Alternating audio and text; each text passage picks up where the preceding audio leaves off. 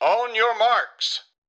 Get set! Välkommen till Maratonlabbet, en podcast om löpning med mig Johan Forsstedt och Erik Olofsson.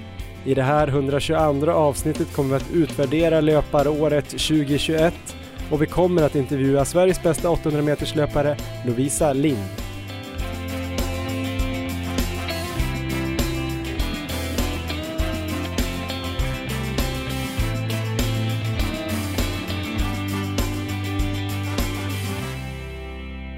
Men då ska ni vara varmt välkomna till avsnitt 122 av podcasten Maratonlabbet. Jag heter då som vanligt Johan Forsstedt och jag hoppas att alla som lyssnar nu har haft en härlig och avkopplande jul. Precis som Erik Olofsson som finns med från Uppsala. Hur har du haft det jul? Eh, hej Johan och god fortsättning. Jag har haft en väldigt trevlig jul. Det har varit lugnt och skönt. Men tyvärr idag på annandagen så vaknade jag upp med feber och den har då stigit här under dagen, så nu när vi spelar in så är jag nära 40 grader här, så att eh, jag hoppas väl att det inte är covid jag åkt på. Jag är självklart eh, vaccinerad med två sprutor. Men eh, vi får se när testresultatet kommer sen och vi får väl se helt enkelt om jag klarar av att vara med hela inspelningen här, men det hoppas jag. Tycker du låter ganska pigg ändå? Härligt, vi får, jag ska hålla det. Hur har julen varit uppe i Jämtland?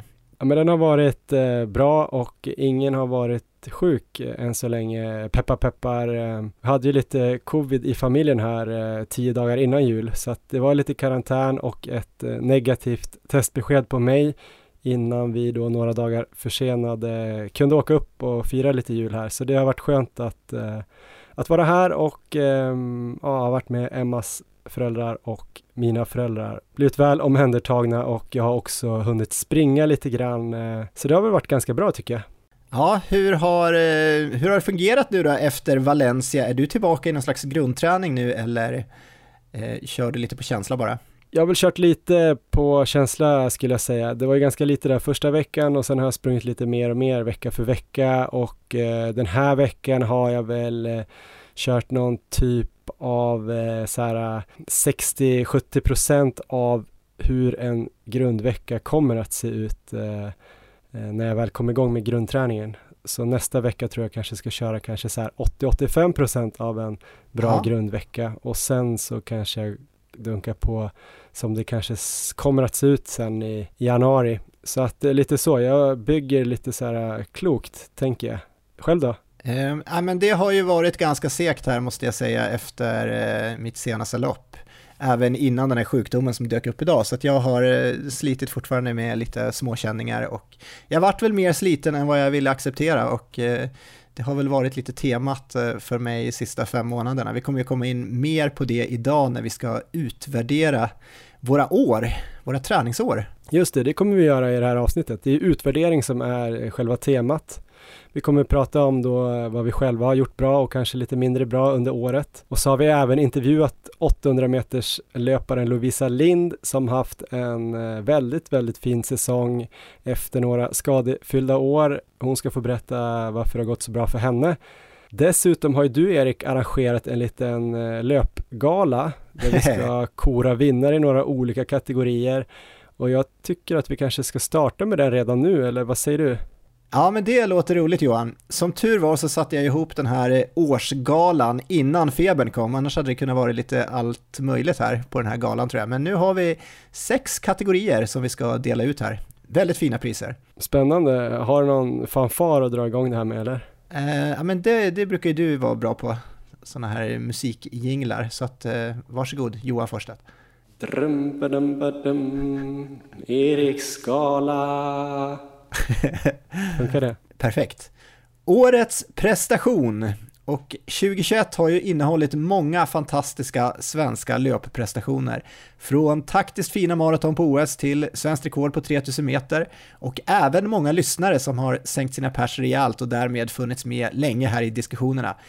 Priset tilldelas Sara Lahti och motiveringen lyder efter att inte bara en utan två gånger slagit svenskt rekord i Valencia under oktober månad har Sara förtjänat priset Årets prestation. 31.26 på 10 km landsväg följdes upp av 1.08.19 på halvmaraton. Stort grattis Sara Lahti! Vad tycker du om det här Johan? Du presterade också bra där i Valencia, men det räckte inte riktigt hela vägen för dig till årets prestation. Eh, vad tycker du om Sara Sar? Ja, men trots att jag slog Sara Lahti på Valencia Marathon så fick jag det inte alltså. Jag var lite förvånad. Nej, äh, men, eh, ja, men det var ju fantastiskt och eh, det hade ju varit alldeles för bra för att vara sant om hon hade gjort en trippel där i Valencia och slagit svenskt rekord i maraton som vissa pratar om. Eh, men, eh, ja, men det var ju väldigt imponerande. Det första där, eh, 10 kilometer, det missade man nästan lite grann, men eh, halvmara-rekordet där på 1.08 någonting var ju väldigt imponerande. Det känns som att det rekordet var kanske lite eftersatt. Eh, hon måste ju ha slagit det med rätt mycket. Ja, så kul att hon fick ut det. Riktigt bra eh, värdig vinnare. Annars tänker jag väl också lite på Meraf Bata där som ju tog silver på terräng-EM. Just det. var väl en bra prestation. Vad jag annars kommer ihåg från eh, säsongen, och det var väl lite så här eh, med 3000 meter hinderlöparna sprang väldigt bra där i våras. Eh, Just det. Almgren på finkampen 5000 och så tycker jag ändå Carolina Wikström gjorde det väldigt bra på OS eftersom jag upplevde att hon ja, men presterade väldigt bra, hade en del press på sig själv och sådär och så var det så sjukt varmt, gjorde ett jävligt bra lopp där. Ja. Det är de grejerna jag kommer ihåg så här spontant. Så det fanns definitivt många kandidater i den här kategorin och det gör det även i nästa kategori som är årets genombrott. Och det finns ju otroligt många lovande löpare i landet och de flesta väljer ju att springa kortare distanser eh, i ung ålder för att kanske senare i karriären gå upp till maraton. Och det är ju ganska klokt. Vi har ju till exempel sett Eliud Kipchoge och Paula Radcliffe med flera göra just det här upplägget med stor framgång. Men jag tycker det är ganska roligt när yngre löpare ändå vågar ge sig på maraton också. Så i den här kategorin Årets genombrott har jag valt att lyfta fram och fokusera på de yngre löpare som ändå vågat prova på maraton under året med stor framgång. Och då visade det sig att det fanns ganska många kandidater till priset.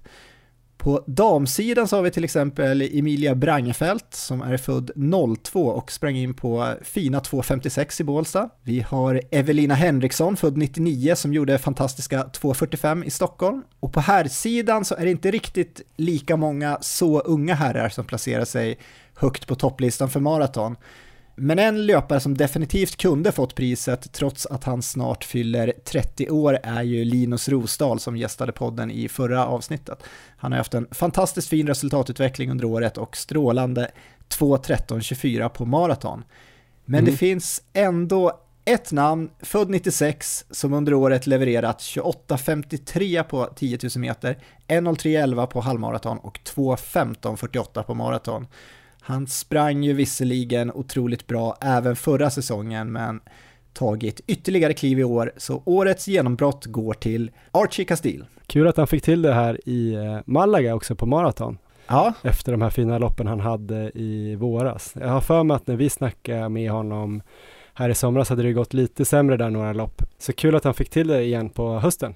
Ja, precis. Och eh, där har vi ju en kille som har framtiden för sig på maraton. Nu har han ju sänkt sig bra här båda de senaste åren. Så det blir spännande att se 2022 för Archie. Du skulle också kunna ligga bra till för årets genombrott i ultravärlden, eller? Två SM-medaljer ditt första år som ultralöpare. Ja, tack Johan. Jag, jag fanns inte med i diskussionerna här när jag tog ut det här själv. Men, har eh, Ultra Aktuellt någon sån här gala eller Pace on Earth eller något? Jag vet Känns inte, som att jag hoppas. borde skicka in dig som kandidat där. Ja, det vore kul. Vi går vidare i vår egen årsgala här. Och då kommer eh, tredje kategorin och fördelen med att ha en podcast och att ordna årsgalor är ju att man kan hitta på lite så egna kategorier om man känner att eh, någonting saknas. Och jag tänkte hitta på en kategori här som jag kallar för årets murbräcka. Och det ska gå till en person som under året fått möta den berömda väggen, men trots detta med mod och beslutsamhet krossat väggen och tagit sig in i mål efter bästa möjliga förmåga. Eh, tyvärr har jag inte själv eh, haft något sånt här lopp i år. Det är ju ganska skönt på ett sätt, men eh, mm, det är en väldigt speciell känsla att ändå lyckas ta sig i mål hela vägen. Och priset går i år till Sanna Mustonen Motiveringen lyder, efter att ha gått ut stenhårt i Malaga och passerat halvmaran på en tid som indikerade sub 2.30 fick Sanna möta maratonväggen någonstans runt 28 km och där många skulle börja leta efter en lämplig plats att kliva av och börja ta sig mot hotellet, kämpade sig istället Sanna runt de kvarvarande en och en halv milen och kom i mål på strålande 2.35. En väldigt hård debut som lovar mycket mer inför 2022. Stort grattis Sanna Mustonen! Bra pristagare Erik! Ja, har du någon kandidat där? Har du sett någon som har väggat rejält i år och eh, ändå kämpat hela vägen in i mål? Men det var ju några till i samma lopp. Eh, jag tycker vi ska nämna Camilla Elofsson. Jag vet inte hur hennes vägg såg ut, men hon gick ju också ut eh, någonstans på höga N15. Just det. Om möjligt kanske en ännu hårdare öppning om man bara tänker på uh, deras halvmara pers. Sen har ju Camilla gjort uh, superbra maror så att uh, hon visste väl vad hon gjorde men hon lyckades ju också knyta ihop det där och komma in på 2.35 strax efter Sanna och i samma lopp då ändå Hannes Bjärnhagen. Just det. Som ju också siktade på under 2.30 och låg med i Sanna Mustonens klunga där och um, tappade fart andra halvan men kom ändå in eh, på 2.38 30 eller något sånt där, så han klarade ju SM-kvalet i alla fall. Vet ju att han ville mycket mer, men eh, Aha. han såg ju vinglig ut på de bilder jag såg och det var ändå stillbilder. Kul att Hannes tog sig hela vägen in i mål här. Han var ju med och sprang i Uppsala med mig förra året på den här väldigt blåsiga och tuffa dagen.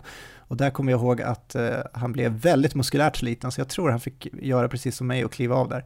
Men han kunde definitivt här ha varit uh, årets murbräcka det var ju väldigt många i Valencia som det kändes som att de klev av när det gick lite tungt i vinden där och kanske tänkte på något lopp längre fram. Så att det eh, var mäktigt av alla som sprang i mål där i Malaga. Ja, verkligen. Ska vi ta en kategori som inte är så rolig, som jag också här har plockat in i år.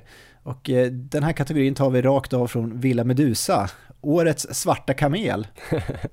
Och ja. den går till någon i Löparsverige då som under året gjort något riktigt dåligt. Vem tror du får det här priset i år Johan? Vore spännande om du hoppar på någon helt, eh, ja men du vet det skulle bli lite kritik från andra löpare och så, men jag antar att det kanske kan vara SOK eller något liknande. Det är helt rätt. Eh, utan egentlig konkurrens går priset i år till SOK och eh, motivering överflödig. Så vi går direkt vidare till det kanske mest prestigefyllda priset av alla, Eh, det har ju under året här strömmat in bidrag till just det här så att det är tydligt att många varit riktigt sugna på att kamma hem just det här priset. Jag pratar självklart om årets mylfalk. Priset som instiftades 2019 som en hyllning till Niklas Mylfalk från FK-studenterna som i sitt livsform skulle försöka springa sub 3 på Berlin Marathon. Och allt talade ju för att det skulle gå vägen där. Men på Expot på plats i Berlin, när han ska hämta ut sin nummerlapp, då blir han alltså överkörd av en radiostyrd bil. Han skadar foten och kan inte komma till start. Jag trodde väl ganska länge att jag själv äntligen skulle kunna få kamma hem det här priset efter att som farthållare sprungit fel under Slavsta halvmaraton under våren. Men det fanns ju en man som med råge skulle bräda det här och eh, lägga beslag på det här fina priset. Eh, så det är en man och jag tror att han lyssnar på avsnittet och jag tror att han vet vad som väntar. Så du kan korka upp champagnen nu. Årets mylfalk går till dig, Kristoffer Hiding. Motivering Johan, vill du höra det? Ja. Efter att en stormig dag i ett industriområde i Uppsala 2020 kvalat in till SM i maraton var så äntligen dagen här. Kristoffer hade satt varenda pass under den specifika perioden, han var i toppform och han skulle bara åka upp till Stockholm Marathon, tillika SM och göra sitt livslopp. Inget kunde gå fel den här gången. Tågbiljetten var bokad från Alingsås bor han va? Ja. Tror jag, och han skulle alltså upp till Stockholm då samma morgon som loppet. En, ja, en ganska tveksam resplan kan, väl, kan man väl tycka. Men han var ju ändå ute i god tid, han kom till stationen med god marginal, väskan var packad med tävlingsskor och rödbetsjuice. När han upptäcker att han tagit fel på avgångstiden. Tåget har alltså redan lämnat stationen och likt en mardröm står han nu där på perrongen med skägget i brevlådan på sina bara knän och får förbanna sitt öde och acceptera att det inte blir någon start på SM. Men Inget ont som inte har något gott med sig. Samma dag i Göteborg var det ju Göteborgs maraton som då också var veteran-SM och efter en snabb rokad där så står ju Hiding ändå på startlinjen och blev väl där trea tror jag i det loppet och han fick ju även med sig ett SM-guld i maraton i veteranklassen M35. Och nu har han dessutom alltså kammat hem kanske galans mest prestigefyllda pris, Årets Mylfalk. Kristoffer Hiding, stort grattis! Jag känner ju alltid när man lyssnar på det där som hände Niklas Mylfalk så tror man ju inte riktigt att det kan vara sant. Så det är ju kul att ha ett pris instiftat efter hans ära, men det är också lite tråkigt att man nästan aldrig kommer kunna överträffa det som hände Mylfalk. Men det här var ju ändå lite ganska nära ändå, ändå samma ballpark på något sätt. Jag kommer ihåg att uh, Hiding postade ganska mycket på sin Instagram den veckan. Jag tror att han hade mardrömmar två eller tre nätter i rad där, där olika saker hände, typ att han hade sprungit upp i, han var uppe i något torn och så hade han någon, han hade ju fixat någon kille som skulle langa vätska åt honom på den här ja. maran. Och han var med men så skulle startskottet gå och då märkte de att de hade glömt all eh, energi eller vad det var, så de var tvungna att springa ner först. Det var så här märkliga, märkliga mardrömmar. Och ändå så eh, lyckades den värsta mardrömmen sen besannas. ja. Men han kommer igen, Kristoffer kommer alltid igen. Nu har ju alla lyssnare här möjlighet att eh, kamma hem det här priset nästa år istället, så vi får se vad som händer under året. Nu är vi framme vid årets sista kategori och det, det är årets comeback. Motiveringen lyder efter att ha utstått maximal otur och tvingats till både DNS och DNF i Berlin respektive Stockholm skulle man kunna tro att han börjat misströsta och tro att drömmen om sub 3 inte skulle bli av. Men istället smäller han till med 2.53.18 på Stockholm Marathon i år och dunderpers. Stort grattis till ett fantastiskt lopp och stort grattis till årets comeback! Niklas Mylfalk!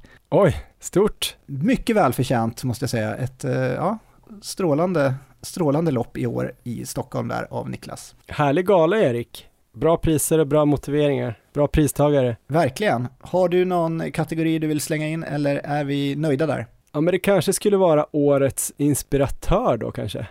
Ja. Eh, och det är ju inte då, jag vet inte, fick man ge priser till utländska löpare? Det, vi får ju göra precis som vi vill på den här galan, så att eh, om du har något bra namn där så absolut. Ja, men det är ju eh, en av Ingebrigtsarna, Ingebrigtsennarna och det är då inte Jakob Ingebrigtsen som eh, tog OS-guld utan det är ju Kristoffer Ingebrigtsen såklart. Just det! Den lite långsammare storebrorsan som ju har blivit väldigt bra nu och tränas av eh, Henrik Ingebrigtsen. Halva Norge och kanske då i alla fall en fjärdedel av alla i Sverige nu tränar som Kristoffer Ingebrigtsen och jag tror nog att det kommer vara ungefär halva Sverige nästa år. Så Kristoffer Ingebrigtsen, årets inspiratör. Ja, bra namn, bra gener lär han ju ha också kan jag tänka mig. Ja, du skrev till mig här att eh, han gör en 10 på halvmaran i 2022 och en 05 2023. Ja. Så man kan ju glömma att man någonsin ska slå honom, skrev du. Ja, det var innan jag fick feber också som jag skrev det, så att det stämmer säkert. ja, men jättebra gala, tack så mycket Erik. Tack Johan. Vi vill också tacka för allt stöd vi fått här under året från alla lyssnare. Alla fina kommentarer och all pepp, både i medgång och motgång. Vi läser ju allt och det är jättehärligt att känna det stödet. Det är dessutom flera som undrat om det går att stötta podden på något sätt, om vi har någon sida eller telefonnummer dit man kan skicka ett bidrag. Vi har funderat en del på det här och eh, nu har vi faktiskt startat upp ett konto på coffee.com.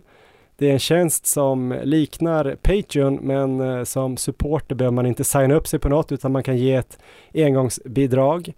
Så eh, vi tänkte att om du som lyssnar gillar den här podden och känner att innehållet i de här 122 avsnitten som vi har gjort har gett dig något, eh, kanske har du fått något bra tips, hört någon intressant intervju eller fått i alla fall lite halvtrevligt sällskap någon runda, då kan du gå in då på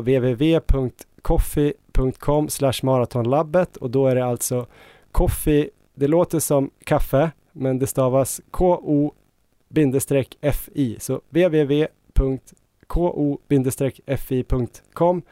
maratonlabbet och där kan du faktiskt bjuda oss på några virtuella koppar kaffe.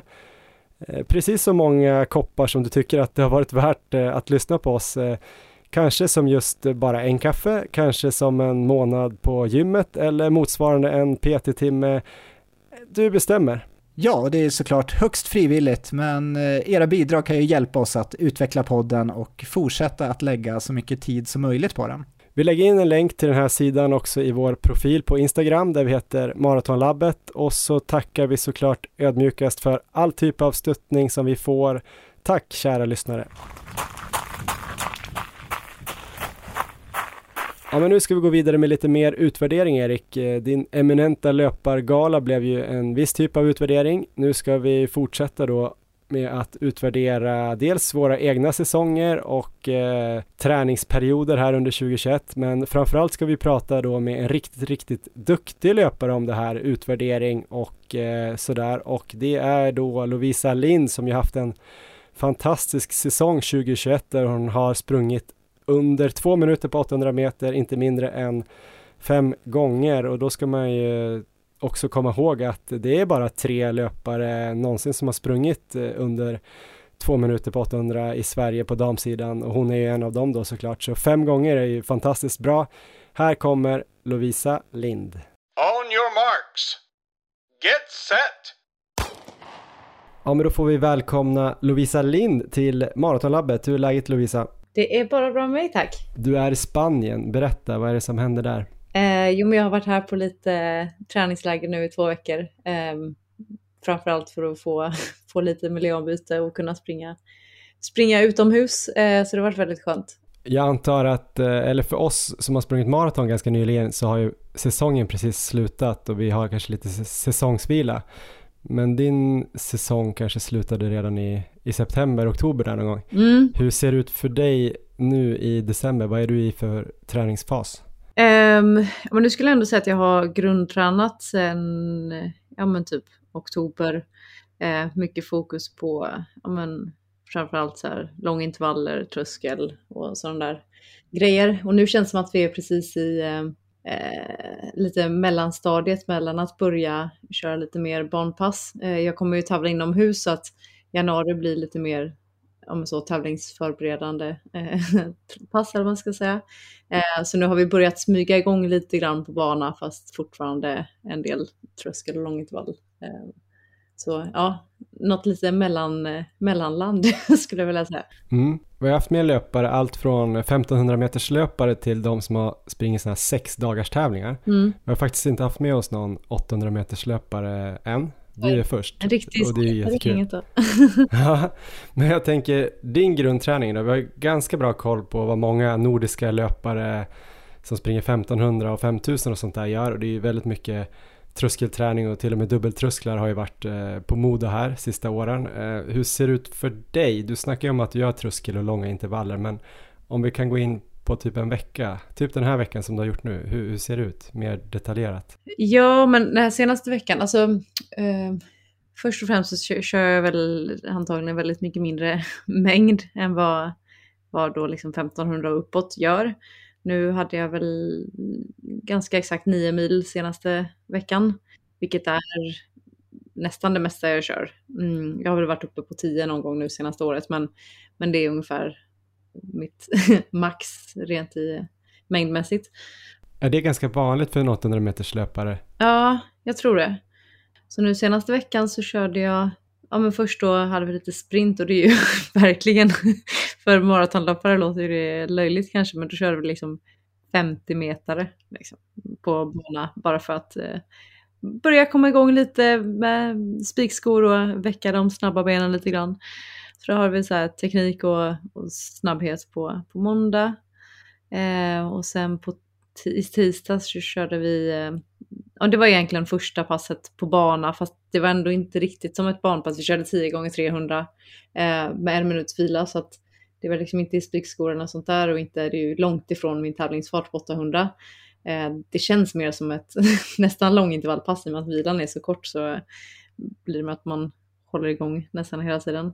Eh, men så det kör jag tisdags. Ehm, och sen onsdags hade vi distans. Torsdag då körde jag faktiskt dubbel, dubbel tröskel slash kvalitet. Vi, alltså just dubbel tröskel har jag väl inte kört så mycket utan då kör vi snarare att jag har väldigt kontrollerad tröskel på morgonen. Så i torsdags körde jag eh, en 3 gånger 7 minuter eh, tröskel på morgonen och sen eh, något lite snabbare på kvällen så körde vi eh, 200 fast med ganska lång vila så att det är liksom vänja sig att springa i tävlingsfart men långt ifrån att det är superjobbigt för att vi har så pass långt emellan eh, varje intervall. Um, och sen i fredags körde vi styrka, lördags körde jag backe plus distans och idag har jag sprungit 50 minuter. Så ja, ungefär så ser det ut just nu. Men om man tänker sig då, du sa här innan vi började prata att, du, att Kalle var där nere också. Ja. Och jag antar att det var Kalle Berglund. Ja, exakt. Han är ju rätt uh, känd för att uh, köra ganska inrutad, eller han körde i alla fall det. Ja. Nu vet jag inte hur han gör just nu, men alltså ganska mycket dubbeltröskel. Mm. Lite den här Ingebrigtsen-stilen. Om du jämför då hur han tränar där nere,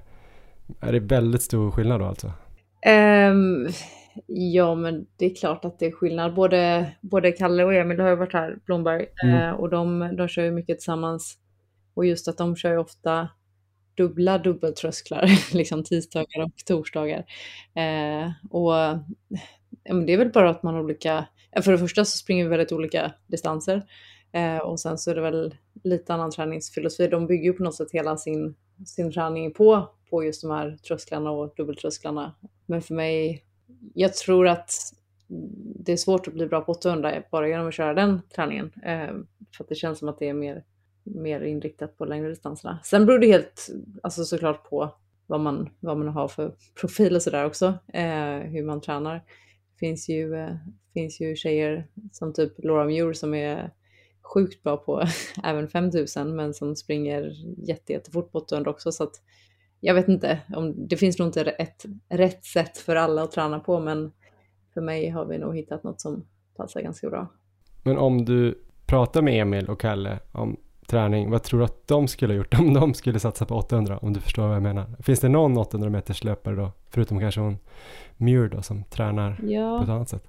Jag vet faktiskt inte hur de skulle ha tränat då. De har ju liksom hittat något som passar väldigt bra för dem. Men sen såklart att man kanske behöver lite mer snabbhet och speed eh, just för 800. Ja, jag vet inte, jag har faktiskt inte frågat. Nej, och nu skulle intervjun handla om dig. Men jag tänkte bara få jämföra 1500-800. Men eh, när du springer då dina pass, alltså tröskel är det ganska, eller väldigt kontrollerat då som den här du gjorde i torsdags morse. Är det liksom, går det efter puls eller går det också efter laktat eller är det fart? Um, lite blandat. Jag tror att det är väldigt svårt. Eller innan kanske jag varit lite för upphängd just på att gå på fart på tröskel. Men jag har väl insett att det är, är väldigt svårt att att göra det för att det kan skilja sig så himla mycket. Och, ja, men samma nu när jag var hemma innan jag åkte hit och det var väldigt, väldigt kallt hemma så körde jag nästan allting på löpband. Mm. Då insåg jag att det är jättesvårt att ställa in en fart och så lita på att det är det som stämmer för att då sprang jag egentligen lite för bra. Eller så, Ja, det måste varit något fel på det där löpbandet. Eh, men eh, jag vet inte, det, det kan ju skilja sig så himla mycket. Liksom, nu körde vi något pass förra veckan när det blåste väldigt, väldigt mycket och det är klart att det påverkar ju farten så det blir svårt att gå för, för strikt på, på bara det skulle jag säga. Så jag kör väl ja, men, lite grann på puls men sen så mäter jag laktat också just på tröskelpassen. Dina distanspass då, hur, hur sakta går de eller, eller vilken fart håller du där eller? Eh, ja men det är väl eh, något jag har blivit striktare med skulle jag säga senaste året, att verkligen inte springa för fort på, på distanspassen. Vilket kan vara lite svårt för att det är så här, att springa ett lugnt distanspass, det känns ju nästan alltid, alltså man tar ju aldrig i så mycket så att det är lika jobbigt som ett intervallpass. Och då tror jag att det är lätt att man råkar springa lite för fort på dem. Eh, mm. Och så blir det liksom helt... Eh, det är klart att jag skulle kunna springa mina distanspass på typ 4 och 10, 4 och 15 eller något sånt där. Och det skulle inte vara några större problem, men eh, det har jag liksom börjat få lite skäll nu från min, min tränare om jag skulle springa för fort så, så gnäller han. Liksom. Han är väldigt strikt med att nej men okej, helst inte under 4.30 för att då, då blir det lite fel, fokus på just de passen. om Man säger. Det, då sliter det lite för mycket på de som faktiskt inte ska slita alls. Eh, Mm. Så ja, jag försöker vara väldigt noga med att inte springa under 4.30. Mm. När du går in sen då och kör de här äh, intervallpassen på bana, är det liksom mer att du har farter eller tider som du ska klara av på de olika intervallerna eller går det även där på något sätt efter? För pulsen hinner väl kanske inte riktigt med, är det liksom ansträngning då? Ja, ja jag skulle inte köra med... Ja, nej, jag kollar inte pulsen liksom på, på barnpassen direkt, skulle jag inte säga. Um, men uh, ja, det kan vara lite olika beroende på vad det är. Uh, ofta får jag väl något riktmärke liksom och så försöker man hålla det och så ja, ofta om min tränare är med så står han ju och se till och så länge det ser bra ut så spelar det inte jättestor roll eh, exakt hur många sekunder det tar. Ehm, I alla fall på de passen vi kör just nu. Liksom, nu är det mer fokus på att ja, men, börja vänja sig vid att liksom, hitta 800 meters steget igen efter att ha kört liksom, mycket tröskel och andra grejer som är lite segare. Så. Sen just när det börjar närma sig säsong och man kör mer så här 800 meters specifika pass, då är det ju ganska kul om han säger någonting och så krossar man det. Då, då får man ju bra. Ja, det låter ju härligt. mm. Jag tänkte att vi skulle faktiskt eh, prata lite om utvärdering Mm. och eh, 2021. Eh, det här avsnittet kommer ju rikta in sig lite på det generellt så här och eh, du har haft ett väldigt bra 2021. Brukar du göra någon speciell utvärdering av varje säsong eller eh, utvärderar du liksom din löpning kontinuerligt vecka för vecka? Um, eh, både och skulle jag säga. Eh, dels så har jag ju en träningsdagbok liksom där jag fyller i allting och min eh, tränare tycker väldigt mycket om statistik och siffror och sådana grejer så att vi har ett stort eh, Excel-dokument som vi fyller i varje vecka eh, med en massa olika ehm, siffror. Eh, och det är lite blandat liksom, dels hur långt, eh, hur långt vi kör och vad vi kör och hur hårt det är. Ehm, men också så här där vi ska skatta eh, med sömn och Eh, hur trötta och slitna vi känner oss och, och sådana där grejer. Eh, och så har han en liten formel som räknar ut ehm, typ totala belastningen och så ja, får han massa grafer på det här som han sen studerar noga. Eh, men sen så hade vi också ett, eh, ett långt liksom gemensamt eh, utvecklings, ja vad ska man säga, utvärderingssamtal efter säsongen. Eh, just för att gå igenom, ja dels i det stora hela men också lite mer detaljerat. Så ja, både och skulle jag säga. Det här var jättespännande. Om vi börjar då med det här första som kanske sker kontinuerligt eller de här mätvärdena. Vilka var det? Du sa lite grann hur mycket ni sprang, Mm. hur utvilade ni kände er eller hur, hur mycket ni sover. Var det något mer du brukar få fylla i? Eh, ja, men, ja, men så dels så är det ju då ja, men mer så här att jag ska uppskatta då, det är väl mellan 0 och 6 tror jag, hur bra min sömn har varit. Um, och det blir liksom enbart för mig, jag sover, jag somnar på två sekunder och sover tills klockan ringer varje natt. Så att jag brukar ofta ha högsta, högsta betyg, eller jag sätter högsta betyg på mig själv. Eller vad man ska säga, just på, på sömnen och så. så. Uh, och sen så är det att vi fyller i, eh, då är det en annan skala på hur, uh, hur slitna vi känner oss. Eh, eller hur, nej, inte hur sliten utan hur återhämtad man känner sig. Eh, och så är det väl också eh, om det har varit någon typ av, om man känner någon typ av stress mer, alltså allmänt eller ja, om det är någonting som stressar mig helt enkelt. Mm. Och sen så är det ju liksom då mer träningsmässigt att fylla i, ja men hur många, det är faktiskt hur många minuter, dels är det hur många minuter, hur länge ett pass har varit. Så idag då om jag har sprungit 50 minuter, då skriver jag in 50 och så Ehm, ska jag sätta en siffra på hur hårt det har varit. Och det är också så här utifrån hur hårt det har känts, liksom. om det är antingen väldigt lätt eller om det är medium eller om det är lite hårt eller om det är hårt eller om det är jättehårt så är det en, en lång skala på det där.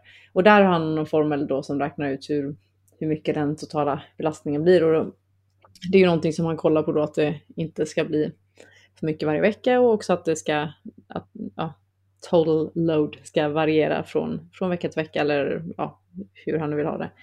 Eh, och sen så Sen är det dessutom hur, hur många kilometrar och vad fan att vi har gjort och det är ju så här kategoriserat i olika om det är liksom bara distans eller om det är intervaller eller om det är sprint eller om det är styrka eller om det är alternativt och sådär. Eh, och sen så sätter jag ett betyg på hur jag har upplevt att det har gått eller känts eller sådär. Ja, och sen så det lite flika på vad man har gjort aktivt för, för återhämtning. Ehm, och eh, om jag har gjort något så här mental träning och sånt där. Ja, vilken bra tränare du verkar ha. ja, han är väldigt bra. Men eh, kopplar han där då till eh, resultatet också på något sätt så att han kan även se utveckling? För det här låter ju som att han har väldigt bra koll på egentligen eh, hur hårt han kan köra med dig så att säga. Mm. Men kan han koppla det här också till hur det går på vissa pass? Har ni vissa pass som ni stämmer av också formen? Jag har bara kört med honom i ett år, eh, yeah. vilket ändå är ganska kort med tanke på att mm. min karriär har varit lite längre än ett år. Eh, så att allting är ändå hyfsat nytt eh, just mellan oss två, eller vad man ska säga. Eh, men, eh, ja, men det vi gick igenom lite nu då efter säsongen, det var ju mer att alltså jag har ju, jag får ju liksom svart på vitt i den här dagboken hur ja, men hur dels eh, belastningen och även hur mycket jag tränar och så här, hur det varierar från vecka till vecka och månad till månad och ja, men, ja, hur periodiser periodiseringen ser ut helt enkelt. Eh, och det, det har han nog en väldigt eh, klar bild över hur han vill att det ska, ska vara. Eh, ja, men så här, det är väl inför ett mästerskap då klart att man lättar på att man kör hårt någon vecka innan och sen lättar på det ganska rejält inför för att liksom formtoppa och sånt där. Men eh, dessutom hur det varierar över hela året liksom. Men den här, um, vad ska man säga, monitoreringen, jag vet inte om du gjorde det kanske med dina tidigare tränare också. Mm. Så att, uh, men ja. annars tänker jag att du har haft lite problem med skador några år. Känns det här extra viktigt för dig? Att... Ja, men jag tror det också så här. Det är klart att vi har gjort så här innan också, men jag tror väl kanske när jag bytte för ett år sedan att då på något sätt så blev jag kanske ännu mer involverad och intresserad i, eh, i hela upplägget eh, på något sätt i och med att allting var nytt. Eh, och då, som du sa, jag har haft ändå ja, men, fyra år, det har varit ganska segt liksom och skador hit och dit och sådär. Och det är klart att jag också har velat hitta en lösning på det här och sen när jag bytte så har allting funkat väldigt, väldigt bra. Eh, så det är klart att, att jag har intresserat mig också för vad som faktiskt funkar så bra nu. Den här andra grejen du pratade också om att ni hade haft ett uh, utvärderingssamtal från året. Vad mm. pratade ni om där då? Ja, men det var lite allt möjligt. han eh, kom och hade då, då hade han till och med, för då vet jag att det blev lite så här, åh herregud, då hade han skrivit ut eh, liksom i skrivare på papper och hade då de här graferna där man såg upp och ner och så hade han skrivit då för varje sån här liten, eh, då var det nog dessutom alla, jo men då hade han gjort så detaljerat så det var för varje vecka över hela året och då har han skrivit in så här, men här sprang du den här tävlingen, här sprang du på det, det, det, det, det här tog du vaccinet och här var det där. så att det oh, var, shit. ja, det var, så det var, dels var det ju liksom, ja men bara över hela, över hela året, men sen även att vi pratar om vad vi har förändrat och vad som har varit bra, om det är något som inte har varit bra och vad vi ska behålla och vad vi ska ändra inför nästa år och, och sådär. Så att eh, ja, det var högt och lågt. Men kunde han visa då till exempel eh när du sprang eh, 1.59-49 i slutet av säsongen, kan han se då, eller visa för dig, ja men då gjorde vi det här och du mådde så här bra, sov så här bra? eller? Um, ja, alltså egentligen så, ja, men jag vet inte, jag tror att eh, det är klart man har all, all fakta så. Eh, men sen så tror jag för mig hela den här sommaren så var jag ändå, jag var ganska stabil egentligen alla, alla lopp jag sprang. Eh, mm. Sen så är det mycket som ska klaffa i, liksom just i själva loppet också. Eh, men det är klart att eh, jag tror just för mig ehm, andra halvan av sommaren när jag hade kommit igång igen och ändå liksom kände att jag var på gång igen för att få en bra avslutning på säsongen eh, och det släppte lite grann, då, då är det klart att jag sprang bättre på tävling också. Men sen tror jag för mig, just för mig så det som gör att jag ofta tävlar bra, det är när jag ja, men verkligen får till några riktigt bra. Det, känns, det, för mig är det väldigt viktigt att få till några ja, men riktigt bra såna 800 meters specifika banpass. Och jag skulle säga att det är den träningen som jag kanske är eh, bäst på. Eh, liksom så här, ja, men långintervaller och så här, VO2 max-träning. Och det är inte kanske mina starkaste kort. Jag, vi jobbar jättemycket med det också, men, men just de här 800 meters specifika passen brukar jag ändå kunna ja, men klämma ut något riktigt bra. och just de passen är också väldigt viktiga för att, eh, för att jag ska få upp mitt självförtroende sådär. Och det vet ju han också om, så att då kan han ju vara lite smart och lägga något pass som han vet att jag kommer springa väldigt bra på innan jag ska tävla och förhoppningsvis springa väldigt bra på tävling också. så att, eh, mm. ja, jag vet inte, han försöker säkert lura mig mer än jag, än jag vet. Men eh, ja. Jag tänkte ju också att vi skulle göra ett litet uh, utvecklingssamtal, mm. eller ett utvärderingssamtal. Och jag hörde att ni hade pratat om några av frågorna, så då har du redan tränat in svar här tänker jag. Ja, men vad bra. Du får väl eh, lämna så mycket du vill här. Men eh, du gjorde ju en stor ändring inför 2021 ja. och det var ju att du bytte tränare. Berätta lite mer om det och eh, hur blev det tycker du? Um, ja, nej men jag var ju med Johan i min förra tränare i sju år. Så det är egentligen hela min seniorkarriär och alltså med honom, jag har ju fortfarande mitt personbästa och eh, om jag skulle säga de, de framgångarna jag är mest stolt över, är ju under den tiden. Eh, så att det funkade ju väldigt bra och från början funkade det väldigt bra också. Jag utvecklades väldigt mycket eh, när jag bytte och hade en jättebra liksom, träningsgrupp och allting eh, från början. Ehm, och det rullar ju egentligen på som på räls där under flera år, fram till 2017 när jag, när jag fick min första så här, större skada, när jag fick en stressfraktur precis innan innan VM och missade det. Eh, och sen så var det ganska segt liksom och det var det ena efter det andra och det är ju tyvärr ofta att det blir så. Man får någon skada och så ska man försöka kämpa sig tillbaka så är det ganska lätt hänt att det kommer någonting nytt på något nytt ställe eller sådär och, och man vet inte riktigt vad man ska göra och, och vi båda två visste ju att men okej, ah, vi har ju all den här erfarenheten ihop och då borde vi kunna hitta lösningar och sådär. Um, sen tror jag jag kände efter 2020 då, som var kanske min sämsta säsong på väldigt, väldigt många år och det, det liksom klaffade inte längre i sättet, alltså när jag tävlade och det, det kändes inte som att det riktigt ville ge med sig. Och så kände jag väl bara att, men okej, jag är 29 var jag då och insåg väl att, men okej, jag kommer inte hålla på i tio år till liksom. Eh, och var väl ändå lite nyfiken på om jag skulle göra någon, någon förändring så var det hög tid liksom. Ja, det var väl lite så, så det blev. Eh, så jag pratade med Johan flera gånger och eh, det är klart att det måste varit frustrerande för honom också att vi inte ah, riktigt kom framåt liksom. Det är ju eh, det är inte kul för någon, eller så, Nej. när alla vill att man ska lyckas.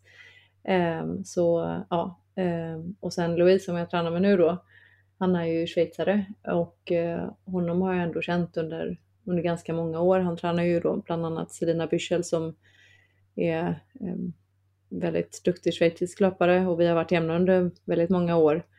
Eh, och Louis och Johan eh, kände varandra också sen, ja, men sen läger och sånt där. Jag hade varit med honom och hans grupp några år tidigare på läger nere i Schweiz eh, och sådär. Och det kändes som att det funkade väldigt bra. Och jag tror för mig också just att att jag hade varit med dem på läger tidigare. Det gjorde ju på något sätt att jag visste att det här var någonting som Johan litade på också, eh, kanske. Eh, så då, då kändes det som ganska naturligt eh, att vända mig till honom då när jag, när jag ville ha något nytt. Ehm, och då sa han att eh, ja men det går bra och så på den vägen är det. när du tittar tillbaks på, här, på den här säsongen då, blev det bra? Och vilka var de största förändringarna som ni har gjort? Um, ja, det, um, det är en fråga jag fått så många gånger, men det är alltid så svårt att bara säga en grej. Alltså för det första, det är ju hela ja, men att, att allting bara blir nytt. Det är klart, jag springer ju fortfarande hyfsat eh, likadant och jag tränar ju hyfsat likadant, men sen är det väldigt mycket små, små grejer som eh, ja, men man får nya, nya ögon som eh, ser på det man gör. Ehm, men, eh, ja, men, och nya nya personer att träna med och ja, nya miljöer att springa i. Jag har varit väldigt mycket när jag är i Schweiz senaste året och bara det, alltså miljöombytet och allt det där tror jag också var ganska viktigt eh, för mig. Eh, men eh, ja, och sen så var det ju väldigt skönt, alltså jag har ju haft flera år med eh, egentligen ingen kontinuitet alls. Det har alltid varit, eller kommit någonting och stört och sen nu ja, nu ska jag inte säga för mycket, men jag har ju ändå, nu har jag gått över ett år och jag har liksom inte haft en känning överhuvudtaget. Så då, det är ganska skönt när det funkar så bra. Men sen så tror jag att det var så viktigt för mig för att redan när jag tävlade inomhus förra året, det var ju bara ett par månader efter, efter jag hade bytt, så hade jag min starkaste inomhussäsong på fyra år. Så redan, redan liksom efter några månader fick jag ett kvitto på att det faktiskt funkar väldigt bra, eller att, att någonting klaffar väldigt bra. Um, och sen så, ja, men så har det bara fortsatt att, att rulla på. Och även om jag inte sprang något personligt rekord nu i, i somras så var det ändå liksom, jag har ju ja, men, mer än dubblat antalet gånger jag har sprungit under två minuter och gjort andra bra grejer, även om jag inte sprang på pers liksom. Eh, så, ja, men kvala in till Diamond League-finalen liksom. Det, det var jätte, jättestort för mig. Men jag lyssnade på intervjun som du gjorde med Petra i Maratonpodden Mm. och den gjorde ni väl eh, 2020 tror jag, på slutet, eller vid sommaren eller någonting. Hur viktigt var, jag tänkte då hur viktigt var 2020 för dig att du kunde hålla ihop 2021? För jag tänker att 2020 måste ha blivit ett år där du inte då kanske behövde stressa för att komma i form till någon tävling eller kvala in till någon mästerskap eftersom allt blev inställt då. Ja, alltså lite både och. Det började ju, 2020 började för mig med att jag fick en stressfraktur i foten. Ah, okej. Eh, och sen eh, visste jag ju inte om förrän på våren där någon gång att OS skulle bli inställt. Så att även om alltså jag verkligen försökte att inte stressa, men det är klart att har man en stressfraktur då så får man börja springa i mars och så är det tanken att OS ska gå i juli liksom. Det är svårt att inte vara stressad i en sån situation. Eh, sen så ställdes det ju faktiskt in ja, men då var det istället, ja men hela, för, det var väl slutet av förra sommaren sprang jag väl helt okej liksom runt SM, men annars var det ganska, eh, ganska jättedåligt faktiskt. Eh, det mesta jag gjorde.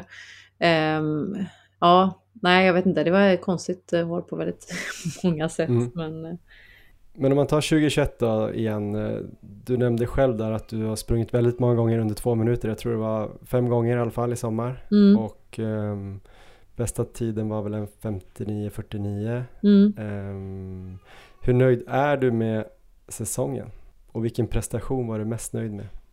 Nej men det är klart, utifrån vad jag har presterat så är jag jätte, jättenöjd. Alltså, men som jag sa innan, jag hade sprungit under två minuter fyra gånger totalt i min karriär innan det här sommaren.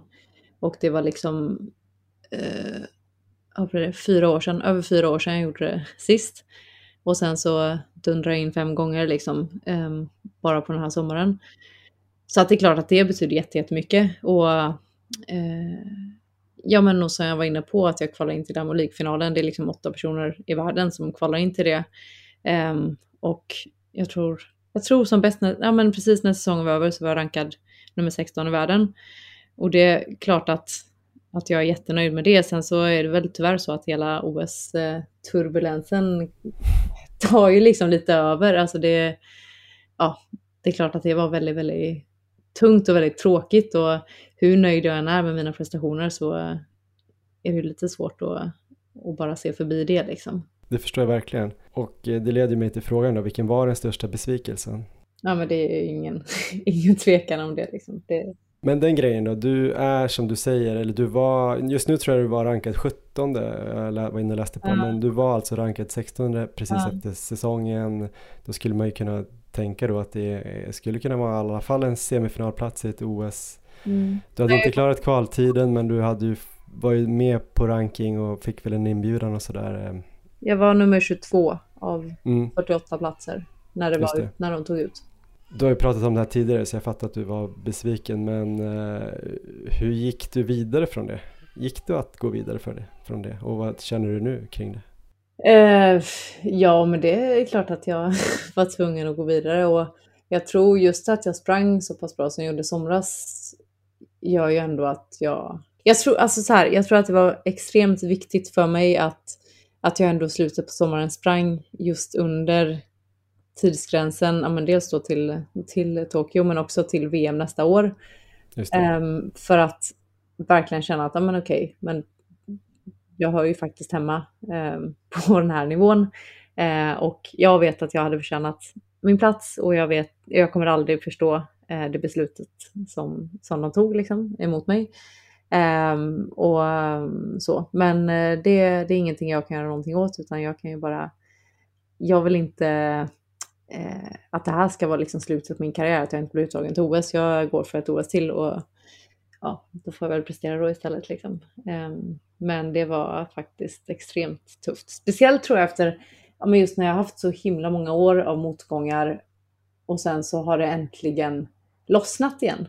Och så blev det här som en jävla ja, käftsmäll liksom, utan att jag fortfarande kan förstå faktiskt hur, hur man tänker i ett sånt läge. Men det, det är en annan historia. Mm. Och du var ju faktiskt, eh, eller i alla fall när säsongen slutade så var du väl, om inte jag har läst helt fel här så kanske näst bästa svenska löparen på ranking efter då kanske Kramer. Mm.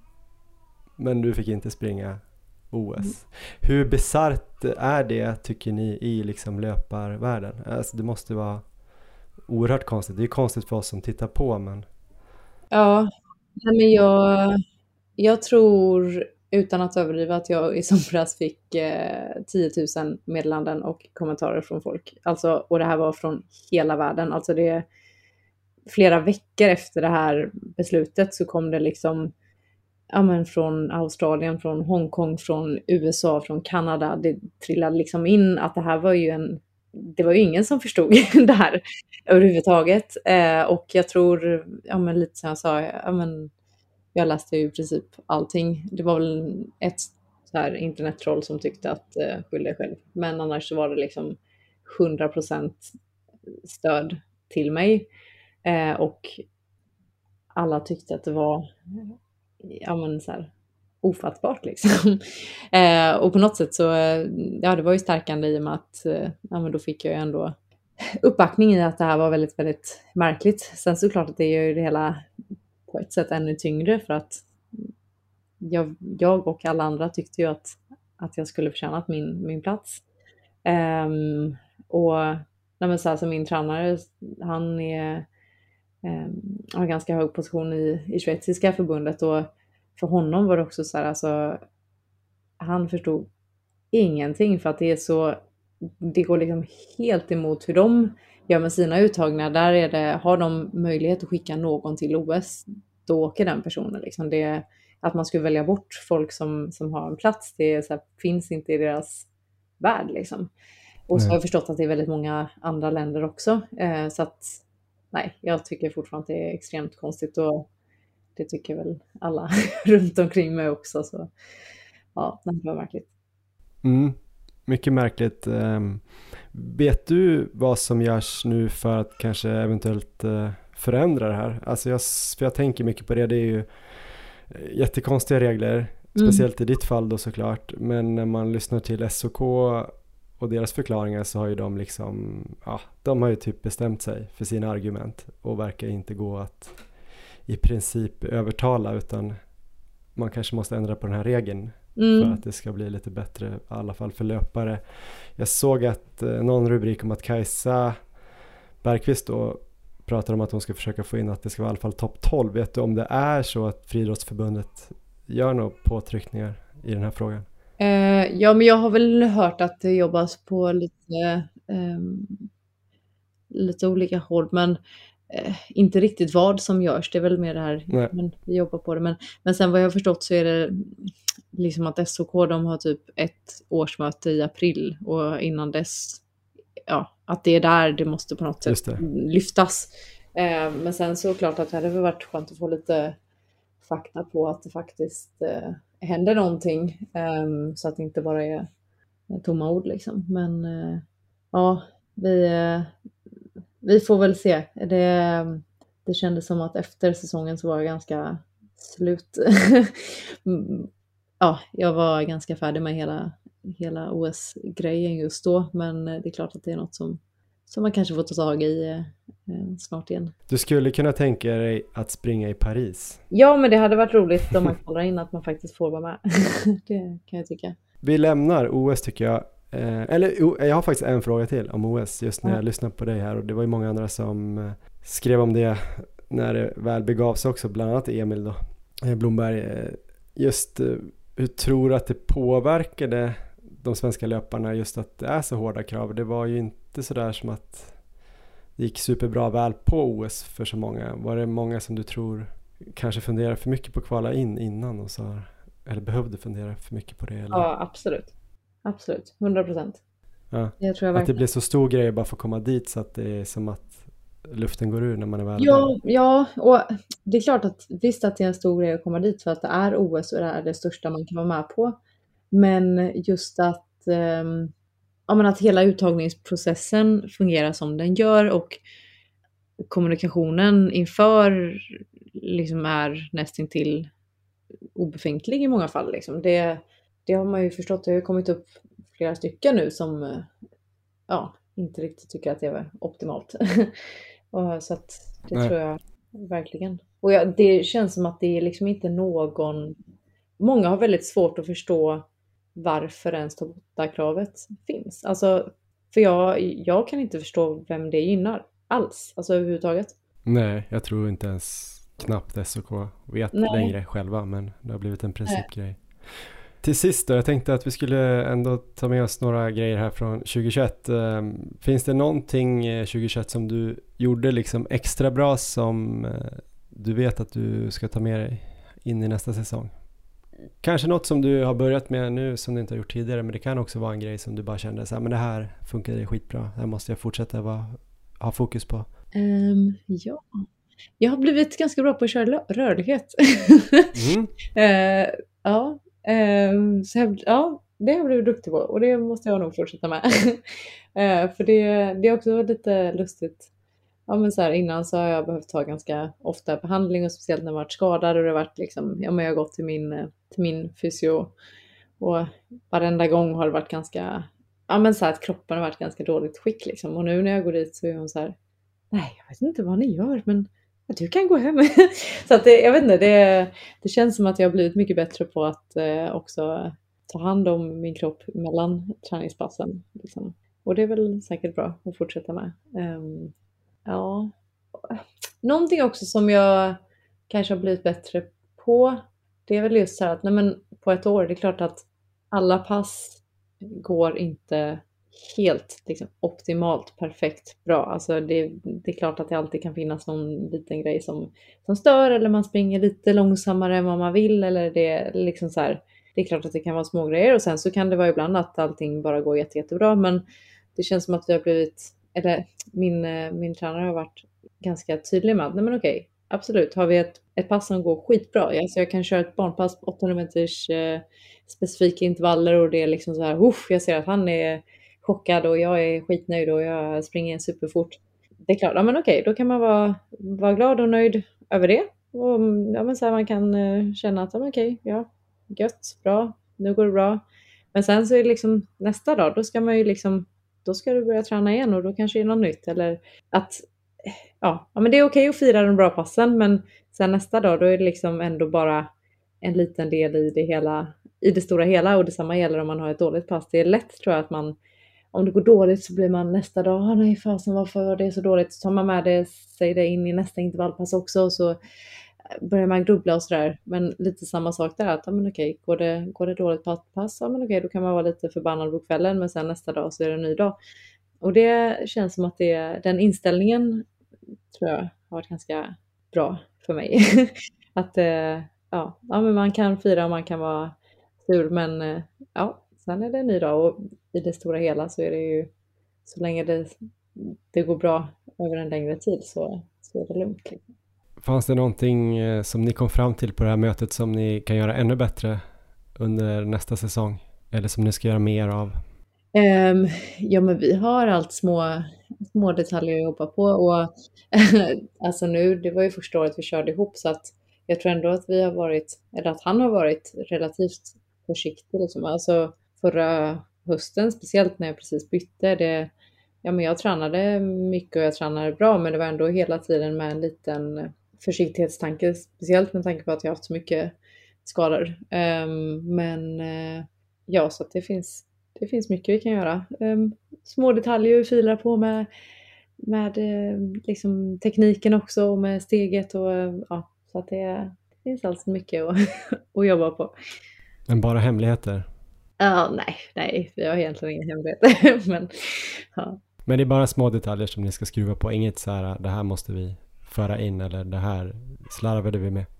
Um, nej, men jag, jag försöker inte hitta någon rubrik här, jag bara ja. försöker utvärdera din säsong. Ja, nej, men jag tror att vi, alltså så, vi var väldigt nöjda med, med hur det fungerade förra året och speciellt liksom det största, största målet och kanske största utmaningen var väl egentligen att jag inte skulle dra på mig några skador och sådär och det, det lyckades vi hålla så att om vi kör på ett år till så här så tror jag att det kan bli väldigt bra. Men inför 2022 då, hur skönt är det att du klarade kvalgränsen till VM? Väldigt skönt.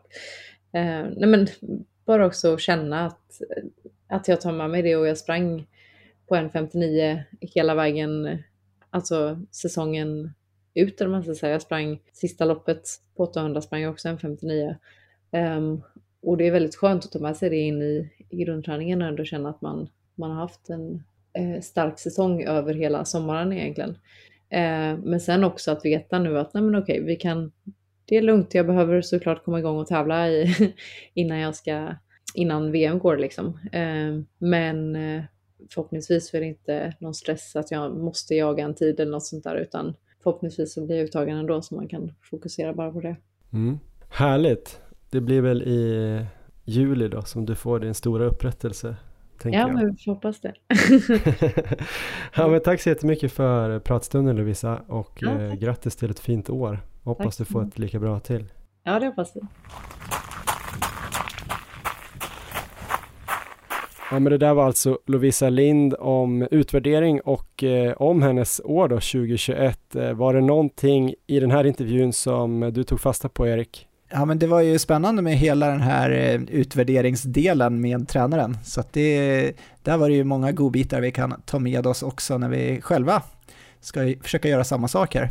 Sen så är det ju en fantastisk säsong såklart, eh, otroligt imponerande. Hon lät ju också väldigt glad tycker jag och har ju ändå eh, säkert eh, lagt det här bakom sig nu och har ju troligen en fantastisk säsong framför sig 2022. Ja, det var ju nästan som att eh, jag ville bjuda in hennes tränare också till podden just för att han verkade vara så nördig där kring olika faktorer då som eh, kanske leder till framgång. Både, mm, det var ju verkligen som att han hade full koll på belastningen och eh, det känns ju som att det kan ha varit en nyckel då till att Lovisa Lind sprang så himla bra 2021. Hon säger ju själv att det var kontinuiteten som gjorde det. Ja. Och eh, då verkar det väl inte helt orimligt att tänka att det var den här monitoreringen som hade en viss effekt ändå.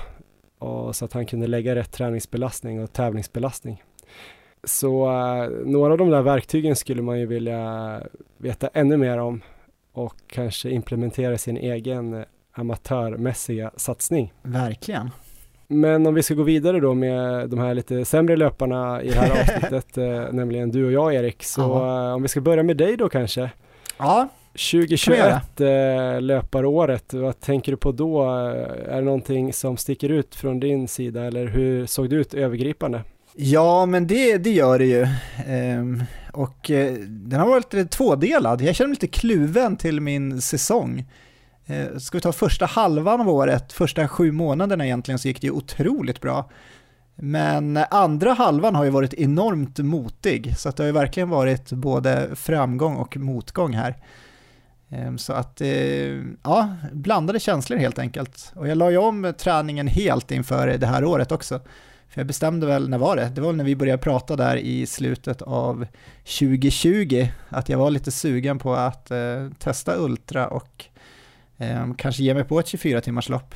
Ehm, så att det, det, har jag gjort, så träningen har ju sett helt annorlunda ut här. Ehm, jag började ju springa riktigt långa pass, jag hade ju flera som var över 10 mil. Jag körde en eh, maratonvecka där jag hade maraton varje dag och eh, det vart över 30 mil totalt för den veckan. Inte speciellt mycket snabbhet om man tar, om man egentligen tar hela året, men eh, fram till sommaren så var det ju nästan bara långa pass och lugna pass. Eh, men jag fick väldigt bra kontinuitet trots det här, så jag hade inte så mycket avbrott i träningen under den här perioden. Och det som väl kanske ändå var extra intressant tycker jag var att jag lyckades ju faktiskt eh, slå pers både på 10 km landsväg med 33.15 där när vi var i Örebro och sprang i juni. Och sen så sprang jag ju också Jordbro Marathon där och då var det ju inte så stort pers, men jag sprang in på 2.37.45 där. Så det var ändå spännande liksom att eh, se vad volym och kontinuitet kan göra även på, jag ska inte säga att maraton är en kort distans, men ändå kortare än de målen jag hade just då och tränade för. Men sen då, de där två persen var ju på våren då som du sa, i, jag tror det var maj och sen juni ja. som du sprang 10 kilometer. Sen var det ju dina superprestationer där då som du säkert kan komma in på senare snart här på 10 mil och 24 timmars där under sommaren. Ja. Vad hade du kunnat gjort någonting annorlunda sen då för att inte få de här få den här motiga hösten? Ja, verkligen. Efter att jag hade gjort de här loppen så hade jag ju inte speciellt bra tålamod, utan det hade ju gått väldigt bra och jag var ju väldigt taggad och eh, det hade behövt där, för jag vart ju otroligt sliten efter de där loppen sen, eh, mina två lopp i juli. Så där hade jag behövt en eh, riktigt lugn och ganska lång återhämtningsperiod, men jag kommer ihåg där två veckor efter 24 timmarsloppet så spontananmälde jag mig till ett eh, 10K-lopp uppe i Umeå eh, sprang eh, halva det loppet och ja, det var ingenting som kändes bra under det loppet och det gjorde att jag vart ännu mer sliten. Och sen var det väl bara, tror jag, två veckor efter det som du och jag kom till start i ett lopp. Kommer du ihåg vilket det var? Ja, det här otroligt fina fjällloppet uppe i Bydalen. Precis, och då var jag ju fortfarande otroligt sliten, dels från 24 timmars och dels från det här loppet i Umeå. Ehm, så att jag var väldigt tveksam till start där, men jag kom ju ändå till start och eh, tog mig runt där på knappt sju timmar tror jag. Eh, enormt tunga och slitna ben, men efter det då vart det ju eh, jag fick ju verkligen ta det lugnt där ett par veckor. Så man kan väl säga att hela den här kontinuiteten som jag byggde upp i träningen under de första sju månaderna av året, den försvann ju här för att jag stressade hela tiden, försökte komma igång eh, snabbare än vad jag borde gjort. Så att eh, ja, där fanns det ju väldigt mycket saker som jag borde gjort annorlunda. Um, men det har jag slitit med sen under resten av året. Jag har liksom inte, jag har inte haft det tålamodet man kanske borde ha. Men jag såg på eh, Strava här att du låg runt 600 mil här 2021. Eh, Hur mycket av det sprang du då första sju månaderna skulle du säga? Väldigt stor del skulle jag säga. Eh, första sju månaderna hade jag ju väldigt bra kontinuitet och volym. Så att jag tror, jag hade väl som mål ändå att kanske landa på 750 mil någonstans där förra året. Men mm.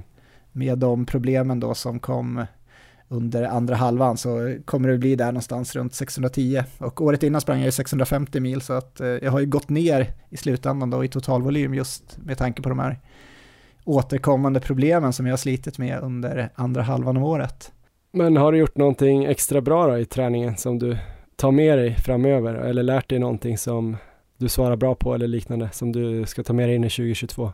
Ja, men något som jag är väldigt nöjd med efter det här året är att jag har eh, tränat väldigt mycket på energiupplägget. För jag har haft många långa pass som har gått i ganska bra fart och där har jag ju ofta sprungit med gels eller sportdryck och verkligen fått träna på det Ehm, under ganska tävlingslika förhållanden. Så tidigare hade jag ganska svårt att få i mig tillräckligt med energi på marer och eh, andra lopp, men mycket då tack vare hela den här ultrasatsningen att jag har ju fått eh, verkligen tänka på de bitarna och eh, testa det både på 10 mils lopp, 24 timmars och eh, sådär. Så det gör att jag känner mig mycket mer trygg med energiupplägget framöver och jag kommer kunna få i mig mycket mer energi än vad jag har lyckats tidigare. Så skulle jag springa en mara nu till exempel så tror jag att jag skulle få i mig eh, ja, ganska markant mer med energi än vad jag lyckats med tidigare. Om man tar den här frågan då, vilken eller vilka prestationer är du mest nöjd med under året? Eh, du har gjort några helt sjuka grejer. Eh, ja, det kan vara både lopp eller under träning. Ja, men det jag ändå är mest nöjd med att jag lyckades få till eh, bra lopp på båda de här SM-distanserna och få med mig dubbla SM-medaljer där. Eh, det var ju extremt tuffa förhållanden på båda de här loppen egentligen. Det var ju 28 grader och sol och jag har ju aldrig någonsin sprungit bra i värme innan det här. Men jag hade förberett mig på bästa sätt jag bara kunde. Jag hade kört eh, pass i värme, jag hade eh, kört pass på natten och verkligen försökt förbereda mig så gott jag bara kunde för de här två starterna. Ehm, så att jag kunde stå där på startlinjen och sen så ha den här känslan av att jag har gjort allt jag bara kan för att vara så förberedd som möjligt. Det var en ganska fantastisk känsla ändå. Eh, sen så var det ju jättemycket som kunde gått fel ändå och som kanske borde gått fel ändå. Men ska jag rangordna de två så sätter jag väl ändå kanske silvret på 24 timmar högst. Eh, det är så otroligt mycket som kan gå fel på den här distansen. Jag var ju förberedd på att väldigt mycket skulle kunna hända, men eh, det rullade på ändå ganska bra. Jag har ju sjukt dåligt minne och eh, tänker jag tillbaka på 24-timmarsloppet och ser jag nästan bara eh, positivt på det. Det känns som att det var kul hela vägen och eh, att det kändes eh, mer eller mindre bra hela vägen. Så, så vet jag att det inte var så, men eh, väldigt goda minnen från just det loppet. 100 km loppet, det var brutalt. Då hade jag en eh, ganska tuff dag och det var riktigt eh, jobbigt men det höll ju ändå ihop ganska bra där. Och sen var det ju bara tre veckor emellan båda de här loppen så att det var också något som jag var väldigt nöjd med att jag lyckades ändå återhämta mig till 24 timmars loppet och kunde prestera bra där också. Vilken var den största besvikelsen då, om du hade någon? Och varför blev det så? Nej men största besvikelsen är ändå att jag inte kunde få till en bättre kontinuitet och att jag inte kunde vara så förberedd som jag ville på PRT 100 km i december. Eh, för jag började ju där eh, hitta tillbaka till eh, en ganska bra form någon gång i oktober. Och då, men då stressade jag på och hade för hård träning där ett tag med bland annat flera marer några dagar i rad där och körde på lite för hårt och det innebar ju att jag sista fyra veckorna innan loppet hade ingen bra kontinuitet. Jag hade, fick ta någon vecka när jag fick köra hel löpvila så att när jag stod där i Växjö på PRT så kände jag inte alls den här känslan att jag eh, var så förberedd som jag ville. Så det var väl den största besvikelsen. Sen så kan jag ändå känna att eh, jag efter de förutsättningar jag hade där gjorde ändå ett bra lopp. Det var ju mm, verkligen pers där med 24 minuter och det var ju det var en jätterolig upplevelse andra sidan hela helgen där med att springa med landslagsgruppen och träffa alla trevliga ledare och löpare så det var det var superroligt men jag hade önskat att jag kunde ha varit eh, mer förberedd på det loppet. Är det något annat kring 2021 som du vill dela med dig av? Um, Nej, det var väl, eh, lärdomen var ju att jag kommer inte springa något mer lopp i fjällen, det kan jag ju garantera. Eh, Bydalen 50K var det värsta jag gjort ändå, det var ju eh, det var, det var spännande, det var ju ett eh, häftigt lopp, men vi kommer väl få höra mer om det kanske i din utvärdering sen. Men det var ju, nej det var, det var hemskt. Det var riktigt, riktigt fruktansvärt. Så att eh, några sådana lopp ger jag mig inte på, så den lärdomen har jag fått nu, att det blir framöver så kommer det bli platt och få höjdmeter för mig. På tal om det då, något snabbt här kring 2022 då, någon cliffhanger till nästa säsong. Vad kommer det bli fokus på eller vad ska du utveckla? Jag kommer, ja förhoppningsvis då nu när jag kommer igång här eh, efter de problemen jag har haft så ska jag försöka träna smartare helt enkelt. Jag ska försöka ha lite mer tålamod framöver nu men jag kommer eh, under grundperioden fokusera mycket på volym och kontinuitet så att eh, jag kommer försöka fortsätta att eh, springa väldigt mycket och sen så det kommer bli mycket platt löpning 2022 och det kommer bli alla möjliga distanser. Ehm, så känns det väl, från kort till riktigt långt. Pers på allt från 1500 upp till 24 timmars. Ja men det skulle vi kunna sätta, eller från 5K, jag har ju inget från 1500. Pers på, pers på alla distanser från 5K till 24 timmars. Det, det får bli målet. Ja, oh, bra. Nog om mig Johan, nu så ska vi utvärdera din säsong här. Det har ju varit en, det har en spännande säsong, en väldigt bra säsong som ju avslutades, eh, tycker jag, väldigt bra här. Men du får ta det från början. Hur nöjd är du med säsongen? Jag skulle kanske sätta en eh, stark trea på min säsong, 1-5, eh, med vissa grejer som har varit jättebra och vissa saker som jag verkligen skulle kunna göra bättre framöver. Um, lite likt dig så hade jag ju olika perioder under året som var olika bra. Som jag kom ihåg det i alla fall och när jag tittat lite på Strava eller i min träningsdagbok här då så, så tränade jag väldigt bra januari till och med april i alla fall. Där hade jag ju en liten eh, svacka där på någon vecka. Det var väl då vi också gjorde ett avsnitt om det här med belastning och vi pratade med Just Johan Rogerstedt bland annat. Jag kände mig lite lätt övertränad och åkte på någon sjukdom och ja, men var inte så sugen på att springa överhuvudtaget. Så jag hade någon vecka där som var lite sämre. Sen eh, gick det rätt bra i maj och kanske början av juni. Så säg att det var ungefär totalt där fem månader som var riktigt bra träning Ja, och eh, bra kontinuitet och jag hade någon bra plan och, och det ledde ju faktiskt fram till eh, då ett eh, pers på 5000 meter eh, på bana i Huddinge 16.34 har jag för mig att det var ja.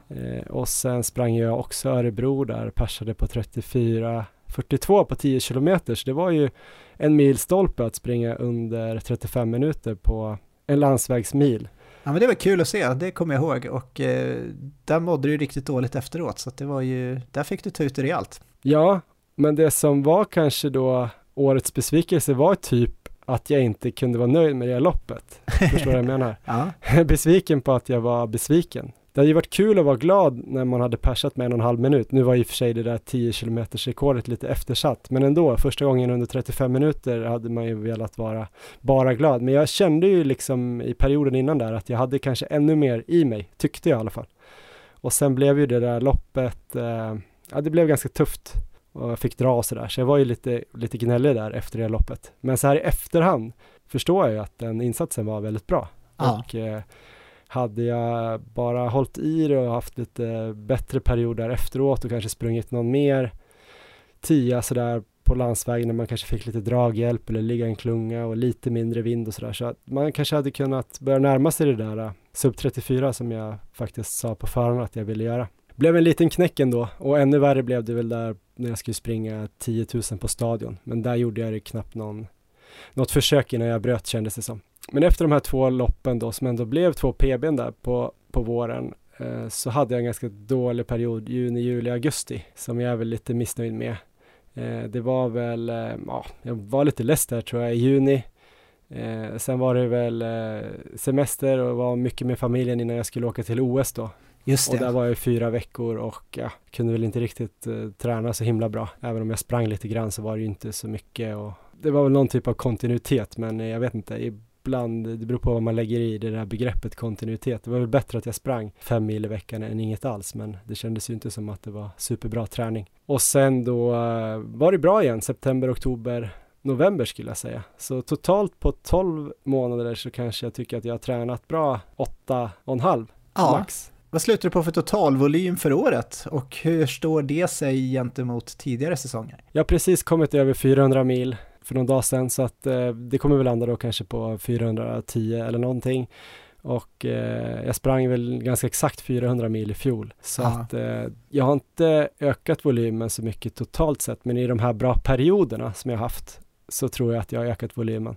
Så eh, hade jag kunnat hålla fast i det kanske där juni, juli och slutet av augusti så hade jag kanske landat någonstans där jag hade, någon, hade kanske på förhand tänkt eh, att gå upp kanske ja, 10 procent, kanske sprungit 440 eller något sånt där. Just det. men eh, ja, så de bra perioderna är väldigt bra, men de dåliga är för dåliga helt enkelt. Ska vi gå till eh, vilket eh, lopp eller prestation som du är mest nöjd med? Vi har ju några eh, rejäla pers här. Vi har ju Valencia, vi har perset i Örebro, där du dock var lite besviken som du sa. Men sen har vi också Buff 50 kilometer som var ett fantastiskt lopp. Om du ska rangordna dem, jag kanske har glömt något eh, annat lopp här också. Vilket eh, kommer högst upp? Det är en jättebra fråga Erik. Ehm, Jag, som sagt, även om jag kanske låter lite missnöjd nu med, med 2021 på ett sätt så ja, persar jag ju då på 5000, 10 kilometer och eh, maraton. Sen sprang jag ju aldrig någon halvmaraton, vilket är ju en liten sorg i sig, eller jag sprang Stockholm halvmaraton som hare. Men jag gjorde ju aldrig nå, något eget försök på någon bra tid Ehm, och inte heller då på Lidingö.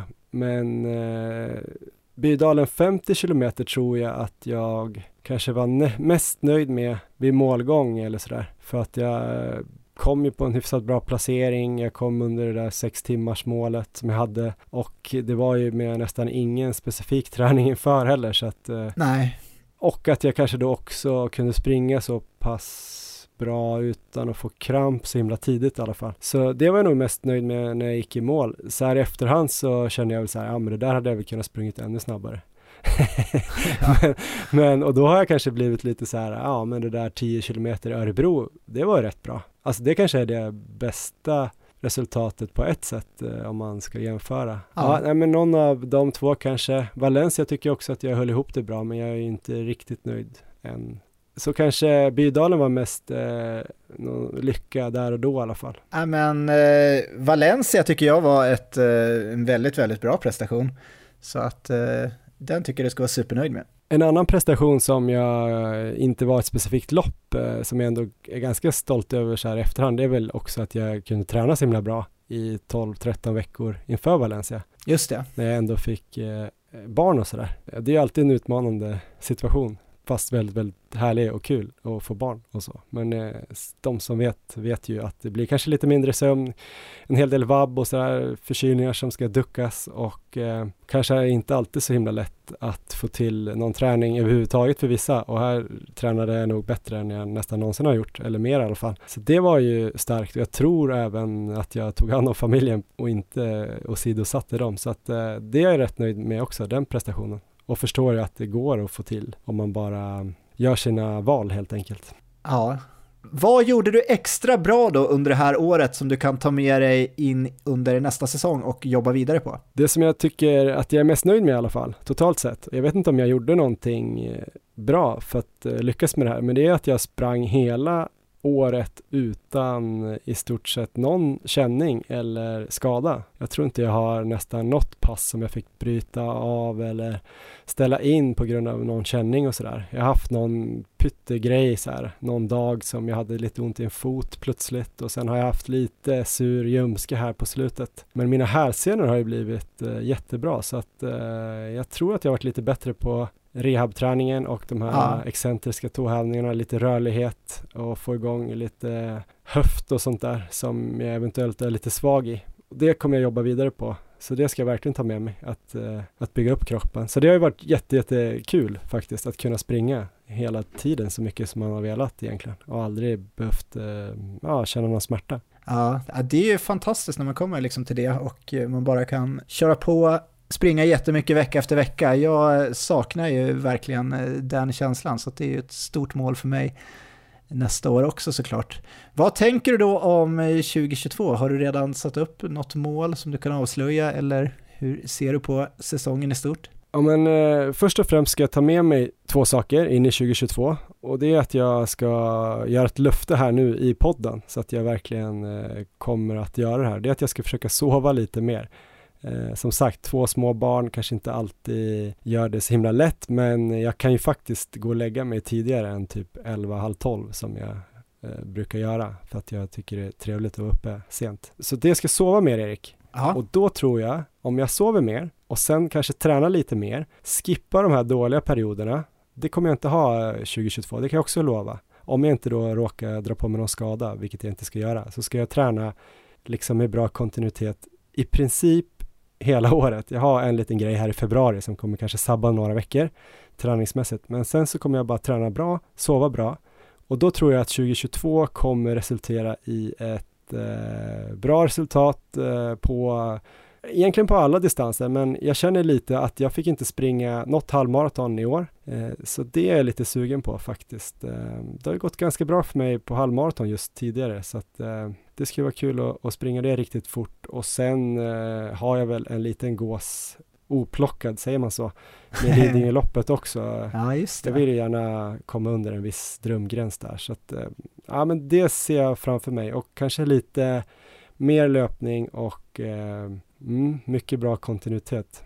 Härligt! Det var väl allt om våra år egentligen då, översiktligt. Vill man veta ännu mer så får man väl eh, lyssna tillbaks på alla avsnitt under 2021 så får man väl eh, se och lyssna på våra naiva målsättningar. Jag tror typ inte jag klarade en enda målsättning de här tiderna som vi satt i början av året. Det är lite besviken på, men äh, det kommer 2022 istället. Äh, något som också kommer 2022, Erik, det är en äh, träningsresa med oss som kommer gå till Mallorca tillsammans med Ving 7-14 maj och man kan resa från Stockholm, Göteborg och Malmö. Det kommer bli ganska trevligt va? Det kommer bli helt fantastiskt. Jag tror det kommer vara en av höjdpunkterna när vi sammanfattar 2022, hela den veckan. Ja, vi fick ju inte till något läger 2021, eh, så det här är ju väldigt efterlängtat eh, från vår sida i alla fall. Och det här kommer ju bli ett eh, ja, men ganska regelrätt träningsläger kallar jag det.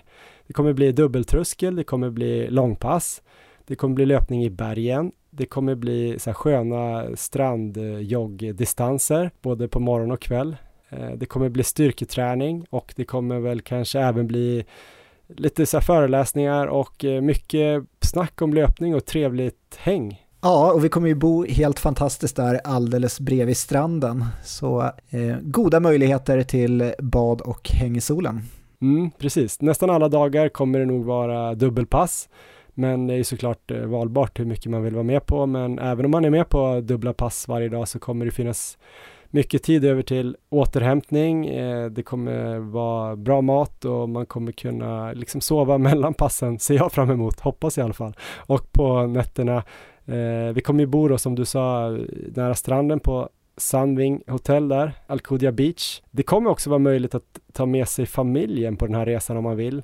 Alltså så man kan bo med familjen men träna med oss eh, och så kan man umgås då med familjen mellan passen om det gör det lättare att följa med på det här, på det här upplägget. Eh, om det här låter intressant då, alltså 7 till 14 maj till Alcudia på Mallorca så kan man gå in då på Vings hemsida och läsa mer. Enklast är nog att bara googla Ving Maratonlabbet egentligen så hittar ni till eh, rätt sida snabbt och eh, eventuella frågor om det här innehållet på lägret, alltså vilka typer av pass vi kommer köra sådär, kan ni skicka till oss på maratonlabbet gmail.com.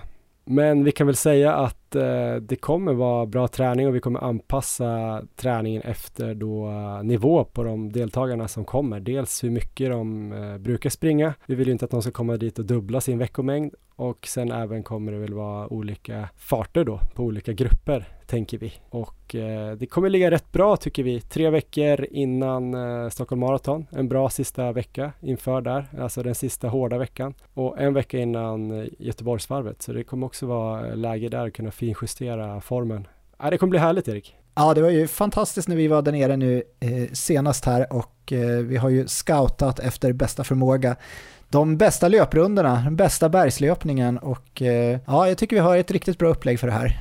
Ja, men vi tror att det kommer bli ett härligt läger. Vi tror att 2022 kommer bli väldigt härligt och eh, vi hoppas att Erik Olofsson hämtar sig från den här sjukdomen och inte når upp till eh, 40 graders feber. Du får väl gå och kolla det här snart. Ja, det ska jag göra nu på en gång. Det blir spännande. Jag tror aldrig jag har haft eh, 39,5 feber, eh, graders feber hela mitt liv faktiskt. Nej det, nej, det var en spännande upplevelse att spela in podd i det här eh, tillståndet, men jag hoppas det, det blev hyfsat okej okay, i alla fall. Vi ber om ursäkt för allt Erik har sagt i det här avsnittet och önskar er alla en väldigt fin nyårsafton och ett eh, gott nytt år. Gott nytt år!